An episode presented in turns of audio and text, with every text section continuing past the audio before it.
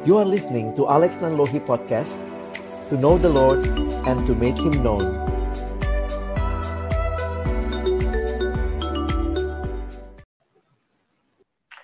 Iya, sama-sama malam hari ini kita kembali. Saya bilang kembali karena memang sudah pernah kita mengundang abang kita yang satu ini yang begitu concern dengan banyak masalah yang ada di sekitar kita.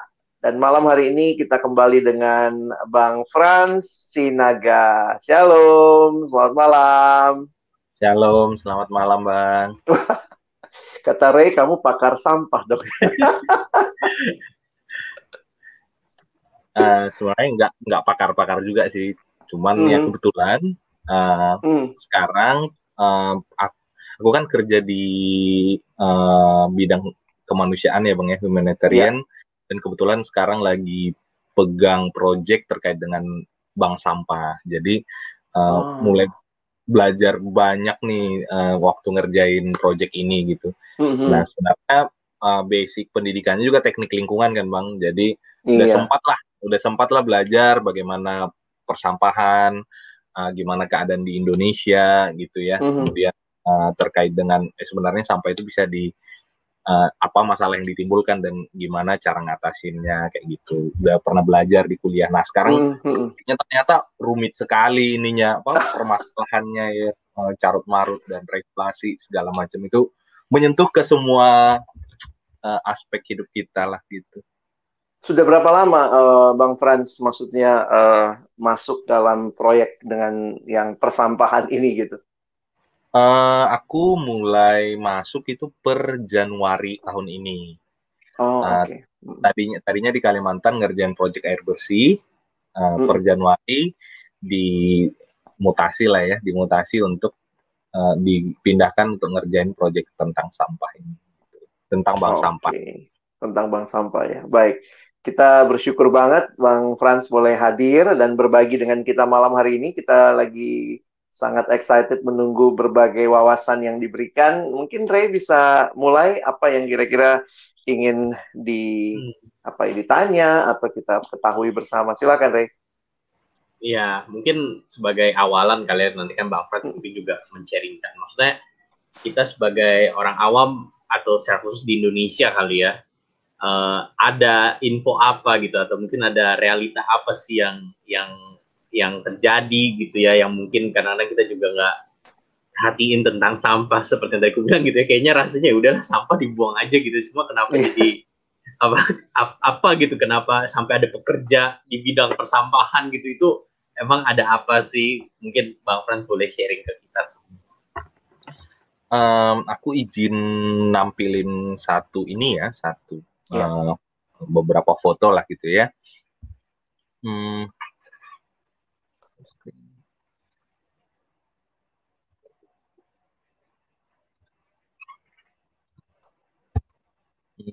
udah kelihatan belum?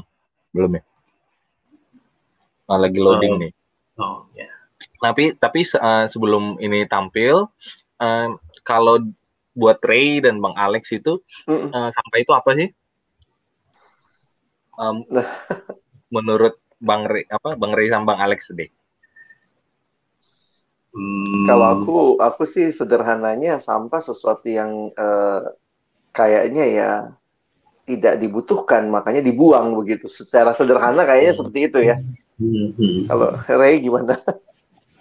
Iya sama ya. Sesuatu apa biasanya sisa produk sesuatu gitu ya maksudnya yang emang udah habis pakai terus maksudnya udah selesai. Yang udah nggak nggak ada nggak ada gunanya lagi jadi dibuang. Gitu sih. Hmm iya uh, kebanyakan itu memang sisa ya, sisa. Hmm. Tapi ngomong-ngomong ini Google Chrome-ku not responding. aku bisa ya, bisa tolong kali. Give, oh, oke. Okay. Uh, eh, ya, uh, atau aku izin live 30 30 detik sampai satu menit bisa? Biar aku restart ininya. Oke, okay, boleh, boleh, boleh. Okay. Iya, sambil Bang Frans nanti menyiapkan, kalau teman-teman juga ada yang ikut menyaksikan, yang ingin bertanya. Jadi memang hari ini kita lagi bahas tentang sampah ya. Waktu Ray buat jarkomannya, apa aja Ray yang kira-kira akan kita bahas malam ini?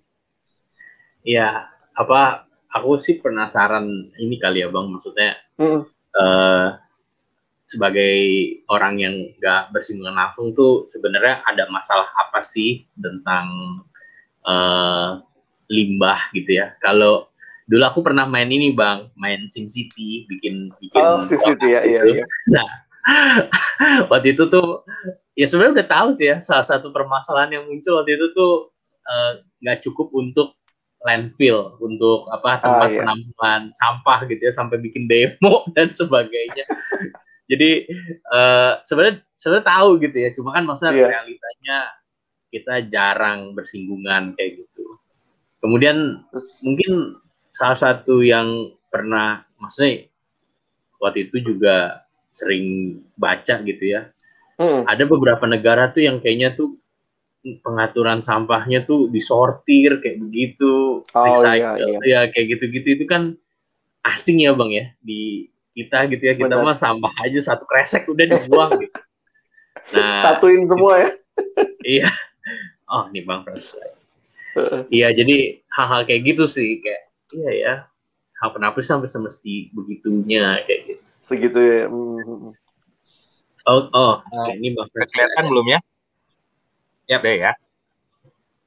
Okay, iya, jadi kalau ini kalau ngelihat ini kira-kira ini apa ini uh, Ray atau Bang Alex pernah lihat nggak tempat ini? Kayak sawah ya. sawah gitu ya. Atau yang ini yang ini kayak tambang batu bara kayak gitu ya. Tambang batu bara ya. Iya, kayak ada case-nya gitu ya. Nah, uh, teman-teman ini adalah uh, eh, TPA Bantar Gebang di Bekasi. Hmm. Bayangin uh, bagian yang ini ini adalah truk-truk sampah dari Jakarta dan luasnya ini luas banget ya. Uh, kalau nggak salah 40 hektar sendiri itu uh, tempat sampah semua gitu. Tempat sampah semua dan uh, ini tiap hari itu didatangin oleh truk gitu dan sampai harus pakai alat berat nih. Mm. Nah ini ini uh, fakta yang pertama gitu. Jadi Bantar Gebang uh, diisukan akan tutup uh, kalau nggak akhir 2021 kalau kita masih ini ya nggak ada pengurangan sampah paling lama itu akhir 2023 itu harus udah harus ditutup karena nggak sanggup lagi untuk menampung sampah uh, orang Jakarta gitu. Itu Bantar Gebang. Hmm. Satu hari uh, 7.600 ton sampah diangkut dari Jakarta, dari seluruh Jakarta ke Bantar Gebang dengan truk-truk warna orange ini nih. Kalau misalnya hitungannya ya, hitungannya itu 5, 5 ton satu truk itu, satu truk itu bisa ngangkut sampah 5 ton. Biasanya ada yang lebih besar itu bisa sampai 7 ton itu. Bayangkan ada 1.500 truk yang ngantri ngantar sampahnya ke Bantar. Banyak banget ya.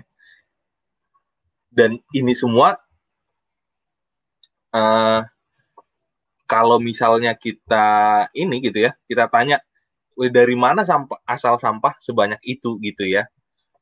Mm. 60% sampah itu sampah yang ke Bantar Gebang itu dari rumah tangga. Oh, oke. Okay. 60 persennya gitu, 40 persen itu dari pasar, dari perusahaan, dari pabrik-pabrik kayak gitu.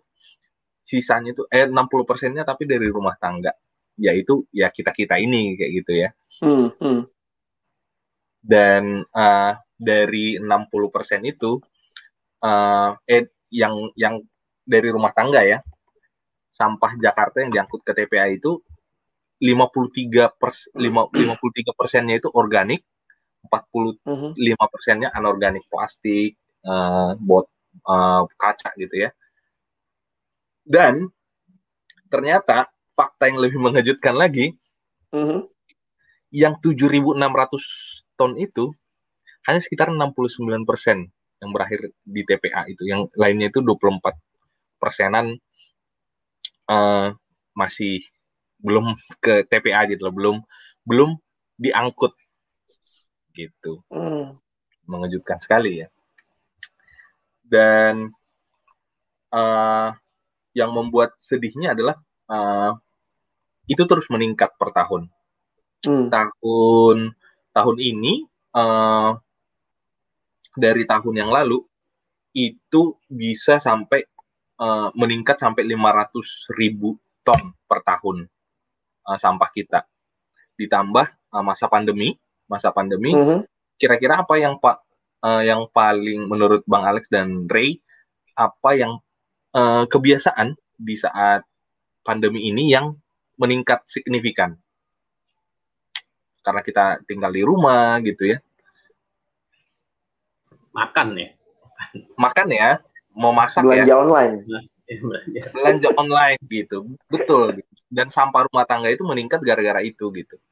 Yang biasanya oh. kita yang biasanya kita masak uh, masak di restoran kan sebenarnya dia uh, uh, sebagian besar sih restoran-restoran yang udah udah tahu ya wah kalau hmm. masak satu hari ini kita akan uh, butuh bahan segini akan dimasak hmm. ya misalnya untuk tiga empat orang itu dimasak sekalian sampahnya itu akan lebih sedikit daripada uh, kalau kita masak di rumah gitu untuk sendiri gitu hmm. atau untuk hmm, keluarga hmm. saja gitu bayangkan uh, kita nggak akan makan di luar lagi gitu ya biasanya warteg makan gabrukan ya eh masaknya gabrukan ya hmm. untuk banyak orang kayak gitu jadi uh, sekarang itu pindah ke rumah semua gitu. Semua motong sayur sendiri gitu. Ada sisanya sendiri gitu. Makanya itu meningkat gitu. Kemudian belanja online tadi kata bang Alex. Pernah belanja online terus uh, unboxing? Iya. Kira-kira berapa lapis? Iya iya. Ada dusnya gitu ya. Ada dusnya kemudian di wrapping pakai plastiknya biasanya. plastik bubble wrap gitu ya. Kemudian ada plastiknya lagi di dalam. Hmm. uh, terus dibuka ada plastiknya lagi gitu ada kotak kecilnya gitu ya uh, yang kertas. Jadi uh, ya itu gitu. Uh, akhirnya banyak hal yang sebenarnya nggak kita kita butuhkan di rumah.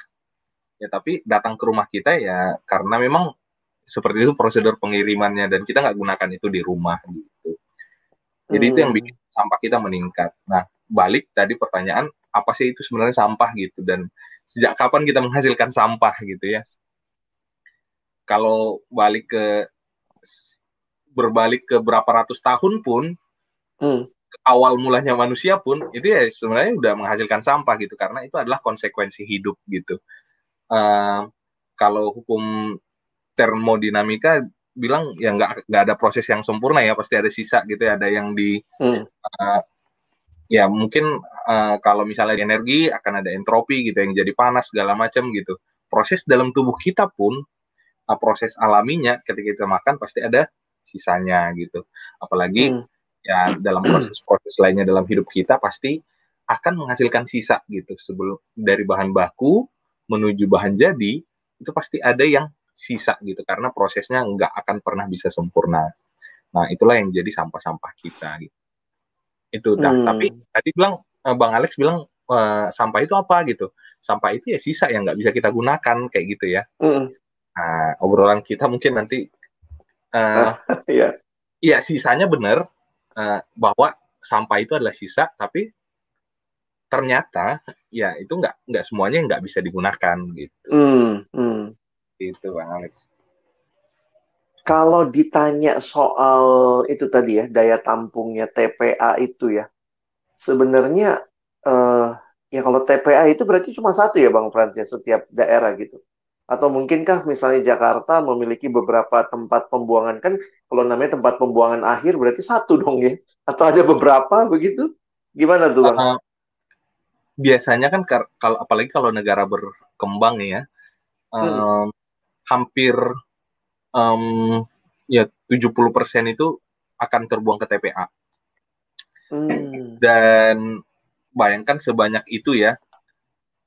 Kalau misalnya tersebar di mana-mana akan susah kontrolnya. Hmm.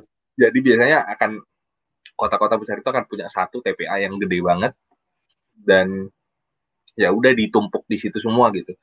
Uh, di Indonesia yang paling yang paling umum adalah sanitary landfill namanya. Landfill itu artinya mm uh, lahan yang dipakai untuk ya udah ditumpuk di situ sampahnya gitu. Sanitary kalau teman-teman lihat tadi ya di uh, di presentasi saya itu di Bantar Gebang itu uh, mereka membuat uh, kenapa dibilang sanitary landfill? Karena dia itu sudah nggak uh, nggak open dumping lagi gitu. Jadi nggak sekedar ditumpuk oh. sampahnya tapi dia udah dibuat uh, cascade kayak gini. Habis ditumpuk sampahnya itu akan dikasih ter, uh, terpal kayak biofabric gitu ini kan hmm. uh, semacam terpal dia jaring-jaring kayak gitu nah ada bahan khusus nah itu akan dipakai untuk uh, nutupin sampahnya untuk memperbaiki strukturnya juga ini kan dipadatkan nih dipadatkan gitu. Hmm. Jadi biar dia nggak longsor. Um, kalau teman-teman pernah dengar uh, eh, TPA-nya Bandung, hmm. Louis Gajah kalau nggak salah ya namanya ya, itu uh, beberapa tahun lagi itu sempat longsor gitu. Bayang, bayangkan aja sampai yang udah menggunung itu longsor, uh, biasanya kan uh, di sana banyak pemulung juga ya, dan hmm. pemulung, pekerja gitu yang ngatur-ngaturin sampahnya, uh, alat berat itu dan bayangkan kalau misalnya itu longsor gitu ya, pasti akan ada korban jiwa gitu karena uh, itu udah tinggi banget, udah menggunung gitu. Jadi mereka hmm. bikin cascade itu, uh, mereka itu berundak-undak, kemudian dikasih uh, terpal itu untuk uh, mem memperkuat strukturnya, dipadatkan gitu biar dia nggak longsor. Tapi ya balik lagi ya itu di Bantar Gebang udah 20 sampai 30 meter tuh. Iya, Jadi, saya dengarnya juga itu ya udah 20-an meter ya. Bayangkan mm itu. Dan ada orang-orang di sekitar situ yang ya pemulung ya, itu kalau longsor ya itu resikonya buat mereka ya. Hmm, mm Wah, menarik nih ya. Gimana kalau Ray ada pengalaman kah dengan sampah? aku penasaran deh. Mungkin orang masih belum kebayang Bang Frans. Maksudnya ketika kalau misalnya kayak aku nih uh, buang sampah, terus sampahnya itu kan biasa diambil sama tukang sampah yang biasa di RW gitu. Itu itu kayak gimana sih sampai ke prosesnya ya? Prosesnya tuh terus apa langsung dibrok semua gitu ya ke uh, eh, TPA gitu. Itu kayak gimana sih Bang sampai bisa ada gunung sampah begitu itu kayak gak kebayang gitu loh bisa sampai mau tahu kontribusi kita seperti apa gitu ya untuk gunung itu jadi uh, kalau praktik yang lama itu namanya uh, kupang bukan bukan kota kupang ya kumpul angkut gitu jadi kita biasanya kan uh, kalau di perumahan lah misalnya ya kita hmm. taruh di depan gitu dalam plastik atau karung kemudian ada tukang sampah yang kita bayar iurannya dua puluh ribu tiga puluh ribu per ini ya itu akan ngangkut gitu sampah-sampah itu uh, ke tempat TPS gitu, tempat uh, pengumpulan sampah sementara gitu. Nah kemudian sampah-sampah itu masih gabung tuh uh, sampah dapur di situ gitu ya, sisa makanan di situ, botol-botol plastik, kertas gitu ya. Uh, dari dari uh, mungkin stationery kita uh, habis di situ gitu ya baterai baterai-baterai kayak gitu. Nah itu dikumpulin semua gitu ya uh, gabung gitu nah kemudian itu dimasukin ke TPS oleh tukang sampahnya nah biasanya kalau TPS itu diletakin di tempat-tempat yang strategis yang bisa masuk truk tuh gitu. Biasa hmm. lihat pernah lihat kan yang baknya truk itu biasanya kalau di kota-kota besar udah kayak gitu tuh. Jadi uh, itu uh, disebut TPS tempat pengumpulan sementara gitu ya. Kemudian nanti truk datang truk datang. Kalau dia masih angkutan yang lama itu akan manual tuh diangkutin sama tukang sampahnya di diambil dari uh, bak itu bak uh, bak TPS itu diangkutin ke truk pakai tenaga manusia gitu. Nah tapi ada uh, truk-truk yang udah terbaru lah gitu ya itu tinggal di ada kaitnya di belakang itu tinggal dikait terus diganti yang sama yang kosong gitu. Itu biasanya uh, caranya gitu. Nah kemudian truk-truk inilah yang akan membawanya ke TPA Bantar Gebang. Jadi yang tadi itu ya praktik kupang gitu, kumpul, angkut gitu. Nah itu pun eh, karena sampah meningkat terus, kemudian eh, pemerintah kota biasanya yang nggak nggak serta merta bisa beli wah ta tahun ini karena sampah meningkat kita beli truk yang baru gitu untuk ngangkut gitu. Bayangkan tadi ya uh, 7.500 ton itu butuh 1.500an uh, truk ya untuk uh, 1.500 kali angkut lah gitu ya uh, sampah sampahnya gitu. Berarti kita butuh berapa banyak truk gitu ya. Dan nggak semua kota bisa kayak Jakarta bisa punya dana yang cukup untuk beli truk-truk itu gitu. Nah, itulah paradigma yang lama gitu. Jadi kita ngumpul uh, si tukang sampah ngangkut, kemudian di ke TPS, terus dibawa ke TPA. Numpuk semua tuh 7.500 uh, ton per hari dikali 365 hari jadilah seperti itu gitu ya. Oke oke. Hmm. Itu maksudnya aku juga jadi ini ya maksudnya ya ya ampun benar juga ya banyak juga dan maksudnya uh, mungkin kesannya se kita cuma saat kontribusi cuma satu kresek gitu loh bang tapi hmm. kalau dikali berapa satu jalan rumahku aja itu aja udah banyak banyak banget kayak gitu aku ingat waktu satu waktu uh, belajar untuk buang sampah pada tempatnya gitu ya ada yang hmm. mungkin merasa ya nggak apa-apa lah, gue buangnya cuma satu tisu doang. Tapi kalau 14 juta orang Jakarta buang satu tisu, itu kan gunung juga ya, gunung tisu gitu. Jadi iya, kadang-kadang iya, kesadaran ini ya, kesadaran kolektif dan individual jadi penting ya Bang Frans ya. Hmm. Iya benar sekali Bang. Nah, uh, kalau teman-teman penasaran untuk ngelihat uh, di kota teman-teman gitu ya, hmm. ada udah berapa gitu. Ini kelihatan nggak layarku ya? Nah, yeah. ini ada uh, eh, KLHK, ada situsnya gitu yang udah lumayan oh. ini lah ya terupdate ya. Namanya SPSN gitu. Nah, jadi teman-teman bisa lihat uh, sebenarnya uh, data timbulan sampah di kota eh, ini nasional ya bahwa uh, di tahun 2019 itu 30 juta ton se-Indonesia naik di 2020 itu 35 juta ton gitu. Nah, kita lihat Jakarta ya. Kita lihat Jakarta uh, meningkatnya oh. tadi bilang 500 ribu ya. Ini sejuta ternyata aku lupa nih datanya nih. Satu hmm. juta ton uh, meningkat da dari 2019 sebelum pandemi ke 2020 gitu. Uh, ini semua kota ada datanya hmm. gitu. Wow. Uh, kalau misalnya kita ngambil capaian ini nih, uh, kita pilih Jakarta ya di 2020. Nah, uh, ini adalah uh, eh, DKI Jakarta. Nih, ini nasional nih 35 juta. Hmm. Uh, tim timbulan ini ini per tahun ya. Oh ya benar ini per tahun. Timbulan hmm. ini adalah hak yang kita hasilkan mm pengurang ini uh, adalah uh, dihitung dari bank sampah. Nanti kita akan cerita tentang bank sampah. Nah, penanganan mm. sampah ini teman-teman, ini adalah yang sudah ditangani. Mm. Uh, kebayang ya, masih banyak sekali uh, apa sampah yang uh, gak di gak ditangani gitu ya belum 100% hmm, hmm. collection. Oh ini Jakarta nih. Dari 2 juta jadi 3 juta. Tapi yang ditangani teman-teman itu uh, baru 2,3 juta gitu yang yang yang masuk ke Bantar Gebang itu hmm. baru segini nih. Berarti ada sekitaran 700 ribu ton yang belum masuk ke Bantar Gebang artinya belum diangkut. Artinya itu bisa masuk ke sungai, artinya itu bisa ya di TPS ilegal gitu ya yang hmm. menghasilkan bau yang nggak indah dilihat gitu. Jadi uh, hmm. sebenarnya ini jadi masalah kita semua ya. Hmm. Uh, ada tugas-tugas yang yang di, sebenarnya harus diselesaikan pemerintah juga gitu ya. Uh, dinas lingkungan hidup dan kebersihan misalnya di Jakarta gitu ya.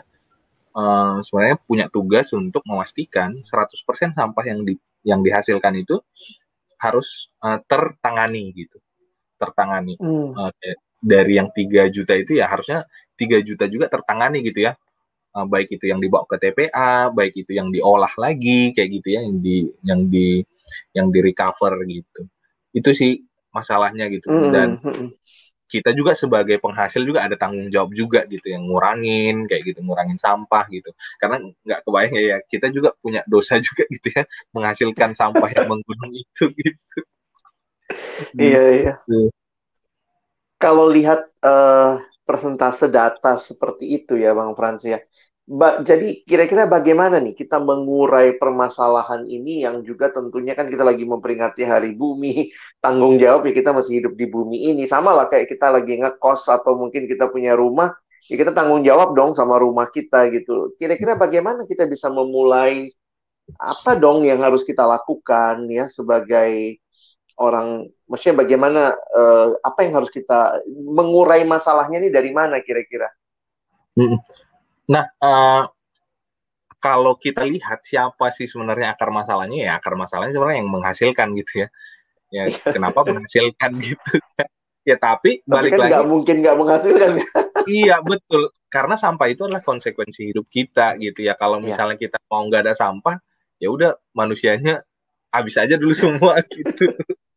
Tinggal hewan-hewan yang kasih ya sampah organik dari kotoran-kotorannya gitu yang nggak mm -hmm. pakai plastik. Nah tapi uh, kalau kita sebagai pribadi uh, ada tanggung jawab kita adalah melakukan apa yang kita bisa kan seperti itu ya. Mm. Nah makanya uh, judul kita hari ini adalah uh, sampah kupilah gitu. Sampah mm. kupilah. Kupilah ini sebenarnya uh, udah sering kita dengar lah 3 R gitu ya. Uh, reduce, reuse, recycle gitu. Jadi uh, kurangin, terus kalau bisa dipilah gitu ya kemudian uh, kemudian ya diolah gitu. Kalau ada barang-barang yang bisa kita olah. Itu akan membuat uh, sampah yang kita buang atau residunya gitu ya. Residu hmm. residu sampah yang kita buang ke TPS atau yang diangkut sama tukang sampah itu berkurang kayak gitu. Jadi nggak nggak akan semua sampah yang yang tadi 7.600 ton per hari itu ya akan ke akan ke Bantar Gebang gitu karena kita udah kurangin. Itu tanggung jawab kita sebagai penghasil sampah. Karena kita sebenarnya ya akar masalahnya kita gitu ya. Ya tapi nggak hmm, mungkin hmm. hilang itu semua kayak gitu nggak nggak mungkin kita nggak nggak ngasilin sampah. Itu sih bang. Uh, jadi dari Kupang uh, kumpul angkut kita harus berubah nih jadi kupilah gitu. Uh, kurangin, uh, dipilah olah gitu.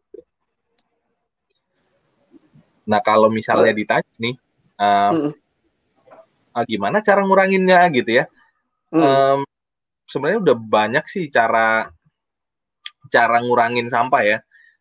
Kalau salah salah satu contoh ya, kalau kita di Bali, kalau mm. kita nggak bawa tas kain untuk belanja di Indomaret atau Alfamart gitu lah ya, sebut merek mm. ya nggak apa-apa. Uh, ya kita ya kan bawa bawa barang kita ya pakai tangan gitu. Karena di sana udah nggak nggak bisa pakai ini lagi gitu uh, sampah plastik. Di Jakarta udah mulai uh, di toko-toko yang kayak Indomaret dan Alfamart itu udah nggak pakai plastik tapi di pasar masih gitu. Ya kalau misalnya kita mau ngurangin sampah plastik itu misalnya uh, ya udah bawa tas kain. Istri istri saya itu pasti bawa mm. tas kain kalau misalnya belanja ke pasar gitu. Jadi kalau misalnya si si penjualnya itu bilang oh diplastikin ya? Oh nggak usah kayak gitu. Akhirnya langsung mm. masuk. Nanti uh, kita punya tas kain dan tas yang uh, dari goni yang uh, bukan goni ya uh, karung.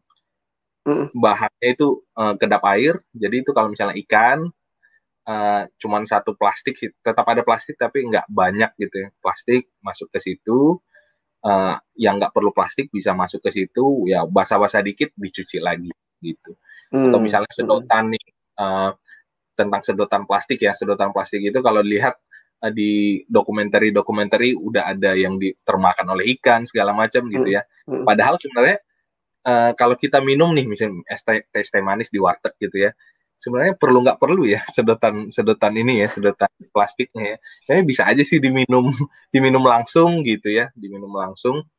Ya atau bawa sedotan stainless sendiri kayak gitu atau uh, sedotan bambu kayak gitu. Itu hal-hal yang hmm. bisa kita lakukan untuk ngurangin uh, uh, aku um, minggu lalu itu tertegun dengan satu kisah di Alkitab ya. Mm uh, uh, pernah de, di keluaran. Uh, kalau aku lupa nih keluaran berapa bang. Mungkin nanti dibantu. Waktu mm. bangsa Israel keluar kemudian ngeluh terkait dengan makanan. Mm. nah, terus Tuhan kasih mana? Tuhan kasih mana dan burung uh, burung puyuh datang ke mereka.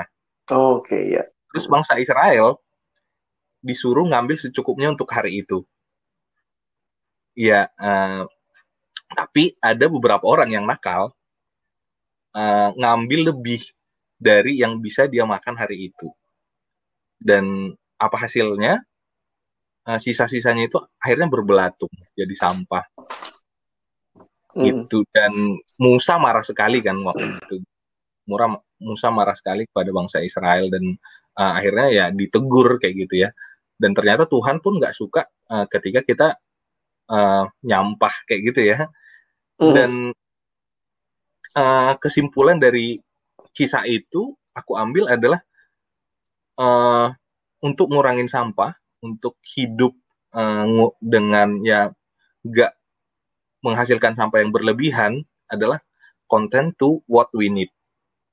Mm. Uh, cukuplah dengan apa yang kita butuhkan, bukan bukan apa yang kita mau gitu. Kalau makan di kondangan gitu ya, wah kita mau nih uh, lauk ini, lauk ini, lauk ini ya akhirnya sisa gitu ya, sisa di piring kita gitu dan ya akhirnya masuk ke tong sampah.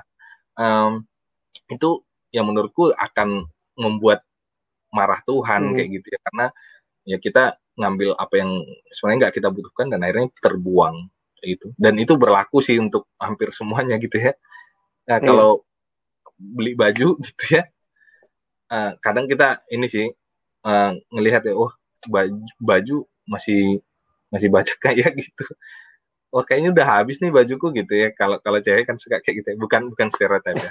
Mungkin cowok cowok juga kayak gitu gitu ya ngelihat baju bola yang bagus gitu yang baru gitu ya. Ya akan dibeli gitu. Padahal sebenarnya um, balik lagi itu ya sebenarnya nggak kita butuh-butuh amat gitu ya. Dan kita beli kayak gitu. Dan sikap konsumtif ini hmm. uh, menyebabkan ya sampah kan meningkat gitu. Ketika kita beli baju misalnya yang yang seharusnya nggak kita butuh-butuh amat baju baru beli beli online ya akhirnya ada ada kardus ada plastik di sana gitu ya. Waktu membuatnya juga waktu membuat baju itu kan ada sampah-sampah juga ya eh, potongan-potongan hmm. kain yang buat baju itu gitu. Jadi hitungannya kayak gitu gitu. Uh, ya bagaimana mengurangi sampah pada akhirnya belajar dari bangsa Israel adalah content to what we need gitu. Cukupkanlah diri kita pada apa yang kita butuhkan gitu. Mm -hmm. Itu sih, Bang. Menarik ya. Uh, jadi aku lihat ada aspek spiritual di situ, melihat apa yang Tuhan kasih ya, cukupkan dirimu. Tapi juga ini ya, tadi banyak Bang Frans bicara soal mengubah pola konsumsi kita. Jadi mungkin juga mengubah budaya ya, budaya misalnya belanja dengan tas tasnya bukan tas plastik lagi yang kemudian dibuang begitu tapi tetap bisa apa ya jadi mengubah budaya tuh ya memang pasti nggak mudah ya. Apalagi kalau hmm. orang rasanya kan banyak sekali orang skeptis gitu. Ya elah kalau aku nggak pakai tas itu emang apa pengaruhnya sih? Toh orang tetap bikin bikin plastik misalnya. Jadi sering kali dari sisi resistance kita juga. Jadi udah kayak menutup kemungkinan perubahan sih ya. Hmm, hmm, betul sekali. Dan uh, ini uh, masih banget ya. Kalau kita nggak pakai satu uh, helai plastik itu kita kantong plastik ya mungkin kita mikir ya apa sih gunanya apa pengaruhnya satu satu kantong plastik gitu? Tapi kita harus melihat jumlah manusia di dunia ini berapa orang gitu ya. Ya 6, 6 miliar lebih gitu. Dan semua orang berpikir kayak gitu ya pada akhirnya uh, ya banyak juga gitu. Dan aku lihat sih sebenarnya balik lagi ya uh, ya kalau misalnya dibilang iklan-iklan di TV gitu ya iklan iklan-iklan di mana-mana lah ya di di handphone kita itu mendorong kita ke sikap uh, sifat uh, budaya konsumtif sih. Dan kalau misalnya kita lihat juga gitu ya secara politis ya secara politis ya ya memang ekonomi negara kita juga pertumbuhannya didorong sama konsumsi gitu ya. Karena uh, penduduk kita banyak ya akhirnya kita bisa jadi pasar untuk barang apa saja gitu. Dari fashion makanan gitu segala macamnya lah gitu. Dan ya itu sih gitu. Dan itu budaya betul dan uh, cara pandang kita ngelihat dunia kita dan melihat diri kita gitu ya balik hmm. lagi kayak tadi ya cermin kalau kita Tuhan suka nggak gitu kalau kita uh, bersikap hmm. uh, kita budayanya konsumtif terus ya beli wah karena lagi ada duit kita mau itu nggak memikirkan kita butuh atau enggak gitu ya padahal ada ada yang beli karena ini bang Frans maksudnya kalau yang cewek-cewek gitu ya kok beli itu? Lucu lucu. Jadi belum tentu butuh sih lucu doang gitu. eh, tapi cowok juga loh bang. Saya oh, gitu ya? kalau kalau kalau ngelihat typing gue ya? Iya kalau kalau lihat apa ya kalau ngelihat baju bola ya apalagi ya itu itu banget sih. Baju bola itu tiap tahun kan ganti ya modelnya ya. Modelnya uh, ya dan coraknya gitu ya. Dan kalau misalnya kita udah suka banget sama satu klub bola kita akan klub, beli setiap tahun. Gitu. Dan ya akhirnya ya gitu gitu. Padahal masih baju bola saya yang dibeli tahun lalu pun masih bagus-bagus dan bisa dipakai gitu ya. Tapi ya tetap aja dibeli. Itu sih. Oke. Okay. kalau Ray gimana Ray ada hal yang mau ditanyakan hmm. ke Bang Frans? Mungkin kalau yang kita masih jarang dengar itu kalau tadi kupilah, kurangi, pil, uh, pilah dan Pilih. olah. Mungkin pilah, dan pilah. olah ya pilah. yang masih apa ya? jarang kali ya maksudnya atau atau bingung gitu kan pernah lihat sih kalau di tempat sampah udah ada ya yang merah kuning hijau apa iya um, gitu. biasanya maksudnya, apa tuh Ray pembagiannya kalau di yang Ray pernah lihat uh, kayaknya apa ya sampah ker, apa organik gitu ya daun-daun gitu terus uh, plastik sama apa ya hmm, lupa aku uh, pokoknya yang kayak styrofoam gitu kali ya aku ya. nggak ini ya. nggak ya. inget gitu itu gimana sih bang Pras dan maksudnya kalau di rumah kita kan kita nggak punya sampah tiga warna gitu ya. Iya benar benar. Gitu. Kayak gimana sih Bang Frans? Uh, ya kita sekalian ngetes aja lah. nah biasanya biasanya ini nih yang yang sederhana oh. kayak gini nih. Kalau oh. di Jepang itu bisa sampai tujuh jenis gitu, tujuh jenis. Oh. Nah tapi biasanya di Indonesia itu biar sederhana dibagi tiga organik, inorganik mm -hmm. sama B3 uh, hazardous waste gitu. Nah kita tes nih. Ini nih apa nih? Uh, kira-kira ini masuk ke tong sampah yang mana nih? Ini sisa yang di bawah ini ya? sampah nih, iya sisa makanan. Hmm, organik lah ya. harusnya ya. Iya, sisa makanan itu nah sebenarnya yang organik itu biasanya mudah terurai ya, mudah terurai. Mm -hmm. Nah ini pisang. Ini uh, kulit pisang, organik, organik ya. Iya, organik ya. Nah ini biasanya kita jumpain nih di rumah nih. Uh, sering sering banget sisa makanan, sisa uh, ini ya, uh, masak gitu ya. Nah di halaman hmm. kita lihat juga ada daun. Daun ini hmm. organik juga ya. Organik juga. Hmm. Organik. Nah ini biasanya yang nggak kita makan nih, Rey, makan tulang ikan nggak? Kemakan nggak?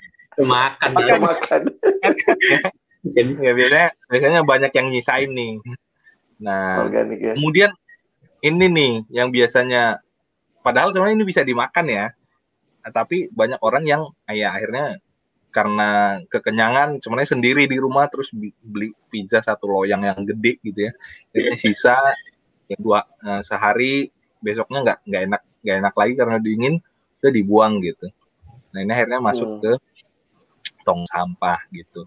Nah, tapi ada eh, selain itu ada barang-barang yang kayak gini nih, uh, koran. Hmm. Uh, tumpukan koran ini biasanya nggak uh, dipakai lagi ya, nggak dipakai lagi, hmm. kemudian masuk ke tong sampah itu namanya uh, sampah organ uh, anorganik gitu ya. Hmm. Terus uh, rice cooker rusak gitu. Nah sebenarnya ini uh, barang in, uh, barang-barang inorganik yang bisa dipilah-pilah lagi nih. Uh, ada plastiknya gitu ya yang di luarnya ya, ada plastiknya. Terus di dalamnya itu ada besinya tuh, ada besinya. Nah uh, itu sebenarnya masih bisa kita pilah-pilah, kita masukin ke bisa kita jual juga nanti ke bank sampah. Nanti kita akan cerita tentang bank hmm. sampah ya. Kemudian botol-botol plastik gitu ya. Hmm. Plastik. Nah, ada dua barang ini lagi nih. Kira-kira ini ke mana nih? Lampu bekas. Di, gimana, Rey? Uh, di mana? Di gelas di kaca bukan ya? Nah, ini ini eh, sebenarnya bahannya gelas ya di luarnya ya, hmm. tapi iya. di dalamnya itu kan ada gas ya, gas. Hmm. gas oh. dan, makanya ini bilang lampu neon karena ada gas gas gasnya di dalam. Gas hmm. neon. Nah, ini biasanya itu dimasukin oh, kategori masuk situ ya. ya hmm. gitu. Nah, kemudian ini nih eh, yang sekarang hmm. banget kita temuin. Kira-kira ini ke mana? Organik, inorganik, atau B3? Hazardous yes. apa paper atau apa kain di kain logikanya kain ya organik ya tapi yeah. Iya. uh, karena kita lagi pandemi ini harusnya dimasukin ke barang-barang berbahaya oh, okay. gitu.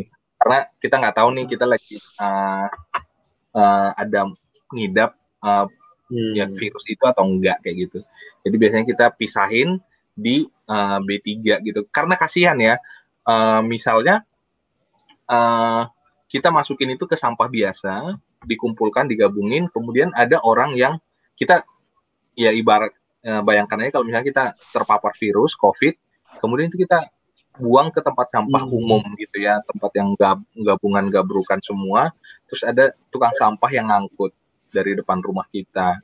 Kemudian dia tertular gitu gara-gara ngangkut sampah, melakukan tugasnya, ngangkutin sampah-sampah kita, akhirnya dia tertular gitu gimana keluarganya mereka gimana kalau dia hmm, terkena hmm. kemudian dia pas punya penyakit komorbid gitu ya ya kasihan juga ya kasihan sekali gitu nah makanya uh, kalau di rumah kami itu pisahkan di kardus sendiri. Jadi caranya adalah kami punya semprotan alkohol. Jadi hmm. begitu selesai pakai itu dari luar gitu ya uh, kami semprot tuh pakai uh, pakai alkohol kemudian dilipat digulung gitu ya kemudian dikumpulkan di kerdus gitu. Jadi nanti uh, entah mau diolah atau dibuang ke puskesmas bisa gitu. Puskesmas uh, untuk puskesmas di Jakarta yang punya insenerator biasanya mereka nerima itu bisa dibakar di uh, inseneratornya puskesmas hmm. gitu. tapi harus dikumpulin ya karena itu hazardous waste gitu limbah B3 gitu karena kasihan hmm. tadi sih itu nah itu pilah pilah. Nah, hmm. kemudian olah. Uh, uh, kalau tahun 2018 kalau nggak salah ya, Cina udah nggak impor sampah lagi ya, nggak impor sampah lagi dari negara lain. Uh, kita juga dengar berita uh, belakangan ini dari serat, uh, tahun 2019 itu ada serat, tertangkap 180 ribu ton sampah dari Jerman itu di kontainer diimpor gitu. Nah, uh, sebenarnya sampah-sampah itu dipakai ulang uh, itu bisa dianggap sebagai bahan baku makanya bisa diimpor hmm. jadi kayak sampah-sampah plastik itu bisa di uh, diolah lagi jadi biji plastik dan dijadikan plastik yang baru. Gitu. Kalau uh, ingat uh, Ray ingat pelajaran terkait dengan hidrokarbon ya sebenarnya kan plastik itu dari minyak bumi ya dan itu bisa secara kimiawi bisa diolah kembali uh, diolah dengan panas dengan uh, bahan kimia yang lain gitu. Akhirnya jadi sam, uh, jadi barang yang baru gitu. Nah biasanya plastik-plastik uh, itu dipisahkan dulu nih uh, ada HDPE ada PP gitu ya ada PVC gitu. Nah, itu harus dipisah-pisahkan dulu karena uh, struktur hidrokarbonnya beda gitu, struktur kimiawinya hmm. beda gitu. Nah, baru setelah dikumpulkan, uh, baru diolah masing-masing tuh. Nah, biasanya botol aqua ya, kayak misalnya botol aqua ya, hmm. itu kan ada yang beningnya tuh, ada tutupnya, ada cincinnya hmm. itu yang biru ya. Kemudian ada labelnya. Nah, ini masing-masing akan jadi barang-barang yang beda nih. Yang putih hmm. itu ketika diolah itu bisa jadi biji plastik dan bisa bikin uh, uh, barang yang lebih bagus gitu. Nah, tapi kayak misalnya labelnya itu mungkin nanti pengolahannya itu akan jadi plastik reset gitu.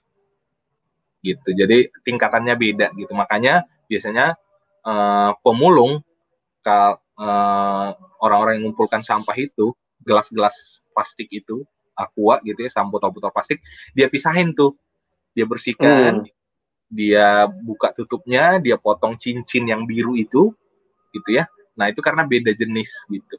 Nah setelah itu akan dijual akan lebih mahal, gitu. Dan kayak besi-besi juga, besi itu paling mudah didaur daur ulang semuanya gitu. Nah, biasanya dia nggak turun grade-nya, turun pun nggak akan jauh gitu. Itu dilebur kembali dibuat jadi uh, barang yang lain gitu.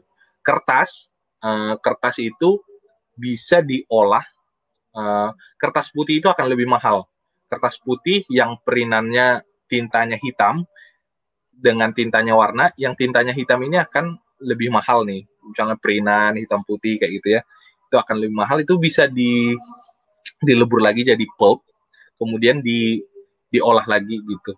Kalau yang warna itu biasanya udah banyak pigmennya, jadi uh, akan lebih rendah kualitasnya. Nah, itu semua industri yang uh, sebenarnya ada gitu dan nggak pernah kita sadarin itu ternyata laku dijual makanya hmm. banyak pemulung tuh ngumpulin nah tapi permasalahannya adalah kualitas sampah kita uh, yang bisa didaur ulang yang inorganik tadi itu kualitasnya turun. Kenapa? Karena kita campur. Oh jadi kertas kertas itu kan misalnya uh, kertas putih lah ya. Kertas putih kita masukin terus uh, sisa makanan kita masukin ke situ juga. Akhirnya kan rusak kan kertasnya. Uh, ngandung uh, bahan organik lagi gitu kan. Nah akhirnya itu nggak nggak laku tuh. Nggak bisa didaur ulang. Ay, akhirnya masuk ke residu masuk ke bantar gebang tapi hmm. kalau misalnya kita pisah terus kita jual ke pem, uh, pelapak atau kita jual bank sam ke bank sampah itu laku gitu. Dan nggak akan ke Bantar Gebang itu makanya penting banget nih uh, mindset kita gitu ya bahwa nggak semua limbah limbah-limbah kita itu uh, nggak berguna gitu. Ternyata masih banyak hmm, hmm. gitu masih bisa didaur ulang walaupun nggak kita gitu walaupun bukan kita yang mendaur ulang yang melakukan hmm, hmm. iya itu bisa dibawa ke bank sampah gitu composting karena tadi 60% ya, 60% itu organik gitu. Hmm. Kita bisa sebenarnya bikin composting di rumah, bisa bikin bio biopori gitu ya, itu kita masukin sampah-sampah rumah tangga yang organik ke sana itu akhirnya jadi kompos bisa. Eh, ekoenzim sekarang gitu. Ekoenzim uh, kompos cair kayak gitu ya. Eh, macam-macam sekarang ininya. Sekarang ada tren yang lagi tren itu BSF, uh, Black Soldier Fly Uh, jadi dia punya belatung. Hmm. Sisa-sisa makanan itu ditaruh bibit-bibit uh, black soldier fly itu lalat lalat hitam yang besar itu. Nah, belatung-belatungnya itu dipakai untuk jadi pakan ternak. Itu banyak sekali sih. Kalau di rumah, oh, okay. tadi kan aku cerita terkait dengan uh, terkait dengan masker ya, masker yang udah kami hmm, pisahin, hmm. hazardous waste. Nah, di fotoku kan aku tunjukin ya, ada boneka hmm. unicorn ini ya. Unicorn. Ya. Boneka unicorn, terus ada boneka ini juga ya. Isinya ini tahu nggak apa? Ini adalah masker-masker yang kami kumpulin itu. Hmm. Jadi aku punya uh, teman adik kelas di uh, di teknik lingkungan dulu. Aku minta hmm. bantuan. Hmm. Dia sekarang lagi menggeluti bidang ini nih, bidang jahit menjahit lah gitu ya, fashion hmm. gitu. Nah hmm. bilang bisa nggak bikin boneka kosongan gitu aku mau ngolah masker nih gitu nah, akhirnya dia bikin uh, pola terus dikirim ke aku yang kosongannya aku bisa isi uh, masker nih gitu tapi hmm. uh, harus di uh, di ada perlakuannya dulu, dulu sih gitu um, kam aku dan istri melakukan ini nih. Jadi uh, ini kami hmm. potong dulu nih kami pisah-pisahin gitu talinya. Terus ini kan ada besinya nih biasanya. Ada besi ya dibuat hidung ya? Iya. Ya. uh, ada besinya terus baru dimasukin. Oh. setelah dibuang tuh besi-besinya iya jadi hmm. uh, itu kami masukin tuh yang yang ini ini hmm. adalah kalau masker medis itu kan ada tiga lapis tuh tiga hmm. lapis uh, yang di depan dan belakang itu katun, yang di dalam itu ada lapis yang kedua itu adalah uh, sintetis. Nah, jadi yang unicorn ini lebih lembut karena yang katun dimasukin ke sini. Hmm. Yang katun sama tali-talinya gitu. Yang ini agak lebih keras karena yang sintetis nih. Uh, sintetis dimasukin ke sini gitu. Nah, yang yang besi-besinya masih aku sisain karena belum tahu nih buat apa tapi pasti akan terpikir nih nanti gitu ya gitu jadi Wah. sebenarnya ya bisa diolah semua jadi sebelum sebelum masukin ke sini aku rendam dengan desin disinfektan dulu tuh dengan sebenarnya bikin desinfektan yang yang sederhana bisa gitu ya pakai bike clean gitu ya itu direndam hmm. berapa lama bisa uh, sejam gitu ya itu udah uh, mematikan kuman-kumannya kemudian baru di, hmm. digunakan guntingin kayak tadi gitu dan ya alhasil eh, limbah masker kami nggak ke TPA lagi gitu udah berkurang hmm. lah gitu ya gitu itu sih hal-hal sederhana yang sebenarnya kita bisa lakukan sih sebenarnya gitu kalau kita mikirnya wah gimana ya nasib nasib bumi kalau misalnya kami buang langsung ke TPA kayak gitu. Itu sih eh, Bang Alex dan Ray. Wah luar biasa sharingnya. Makasih banyak Bang Franz ini jadi inspirasi buat teman-teman juga untuk bisa mulai berpikir ya. Mungkin sedikit tentang bank sampah kalau bisa dijelaskan. Maksudnya uh, jadi bank sampah itu kalau misalnya saya punya kayak tadi Ray cerita ya, kita kan biasanya buang semua sampah kita dalam satu kresek gitu. Terus apa yang bisa kita mulai lakukan gitu? Dan maksudnya ke mana cari bank sampahnya begitu? Atau kita mulai bikin beberapa kresek yang isinya seperti apa? apakah tukang sampah kita ngerti nanti? Nah itu gimana Bang Frans? Iya, jadi uh, kita uh, tahun yang lalu itu ada uh, per, Pemprov DKI itu ngeluarin peraturan Pergub 77 nomor 2 2 uh, Pergub 77 tahun 2020. Hmm. Itu tentang um, setiap RW wajib punya pengelolaan sampah sendiri dan membuat bank sampah. Hmm. Gitu. Jadi sebenarnya dari peraturan itu setiap RW di Jakarta itu harus punya satu bank sampah. Nah, bank sampah ini nantinya akan uh, dikelola sama uh, ibu-ibu PKK, RW gitu ya.